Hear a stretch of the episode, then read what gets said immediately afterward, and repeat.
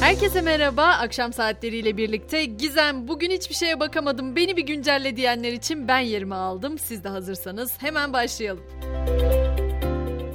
Cumhurbaşkanı Erdoğan Nobel Barış Ödülü'ne aday gösterildi. Eğer bu başlığı sadece okuduysanız, haberin detayını görmediyseniz nasıl sorusu aklınızı kurcalıyor olabilir? Hemen açıklayayım. Aslında bu bir adaylık başvurusu. Meclis Başkanı Şentop, Erdoğan'ın Nobel Barış Ödülü'ne adaylığı konusunda başvuru yaptığını belirtti. Şentop sözlerine farklı ülkelerden meclis başkanları ve milletvekillerinin başvurularının olacağını da ekledi. Tabi yılbaşına sayılı günler kala artık yılbaşı kutlamaları ile ilgili haberler de gündemdeki yerini almaya başladı. Mesela otellerin doluluk oranı %90'a ulaştı, rezervasyonların %60'ının tek gecelik olduğu açıklandı. Öte yandan aman dikkat diyerek yılbaşı öncesi uyarılarıma da başlamış olayım. İstanbul'da yılbaşı öncesi düzenlenen sahte içki operasyonunda yaklaşık 10 ton sahte içki ele geçirildi. 6 şüpheli gözaltında.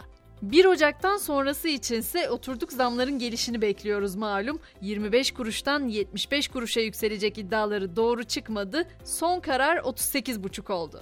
Neden bahsediyorum? Plastik poşetlerden. Plastik poşet ücretlerinin bir süre önce 75 kuruşa çıkacağı iddiaları konuşuluyordu. Son söz söylendi ve poşet ücretleri 25 kuruştan 38,5 kuruşa çıkarıldı. Ama içiniz rahat olsun karara göre artış vatandaşa yansımayacak. Aradaki farkı marketler karşılayacak. Bir başka zam haberiyle devam edeyim. Doğalgaz, petrol, LPG ve elektrikte uygulanacak idari cezalara %122,93 zam yapıldı. Bu zamlı tarife de yılbaşından itibaren geçerli olacak. Şimdi hemen biraz yargı koridorlarına uzanacağız. Gezi Parkı davasında cezalar onandı. İstinaf Gezi Parkı davasında Osman Kavala'ya ağırlaştırılmış müebbet ve 7 sanığa 18'er yıl hapis cezalarına ilişkin verilen kararı hukuka uygun buldu.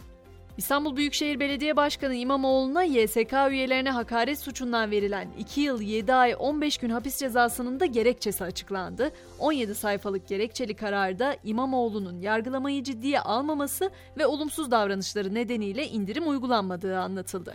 İmamoğlu ise bugün İstanbul Büyükşehir Belediyesi'ne yönelik terör soruşturması hakkında konuştu. Bütün ekip arkadaşlarımızla dimdik ayaktayız, görevimizin başındayız dedi.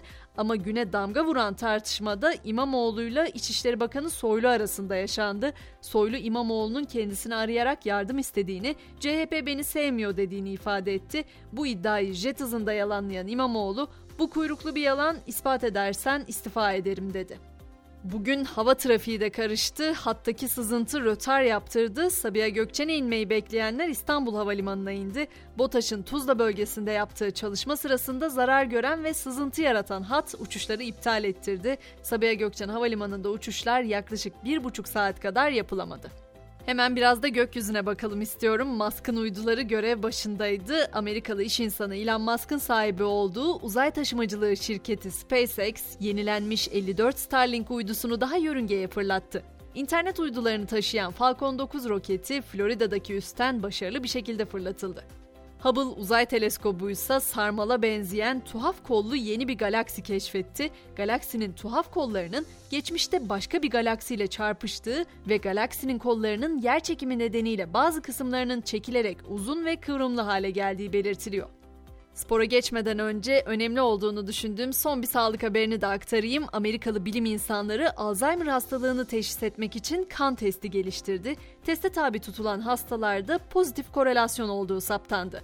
Bu da geliştirilen kan testinin mevcut geleneksel tanı yöntemlerinin sonuçlarıyla doğru orantılı sonuç verdiği ve Alzheimer'ı doğru tespit ettiği anlamına geliyor. Şimdi spor dünyasına bakalım ve Katar'a gideceğiz. Messi'nin Dünya Kupası için kaldığı oda müzeye çevrilecek. Dünya Kupası'nda zafere ulaşan Arjantin milli takımı Katar Üniversitesi'nin kampüsünde konaklamış ve her oyuncuya bir oda ayrılmıştı.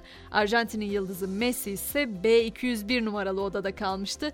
İşte Katar Üniversitesi o odayı mini müzeye çevirme kararı aldı. Arjantinli oyuncuların özel fotoğrafları ve formaları bu odada sergilenecek.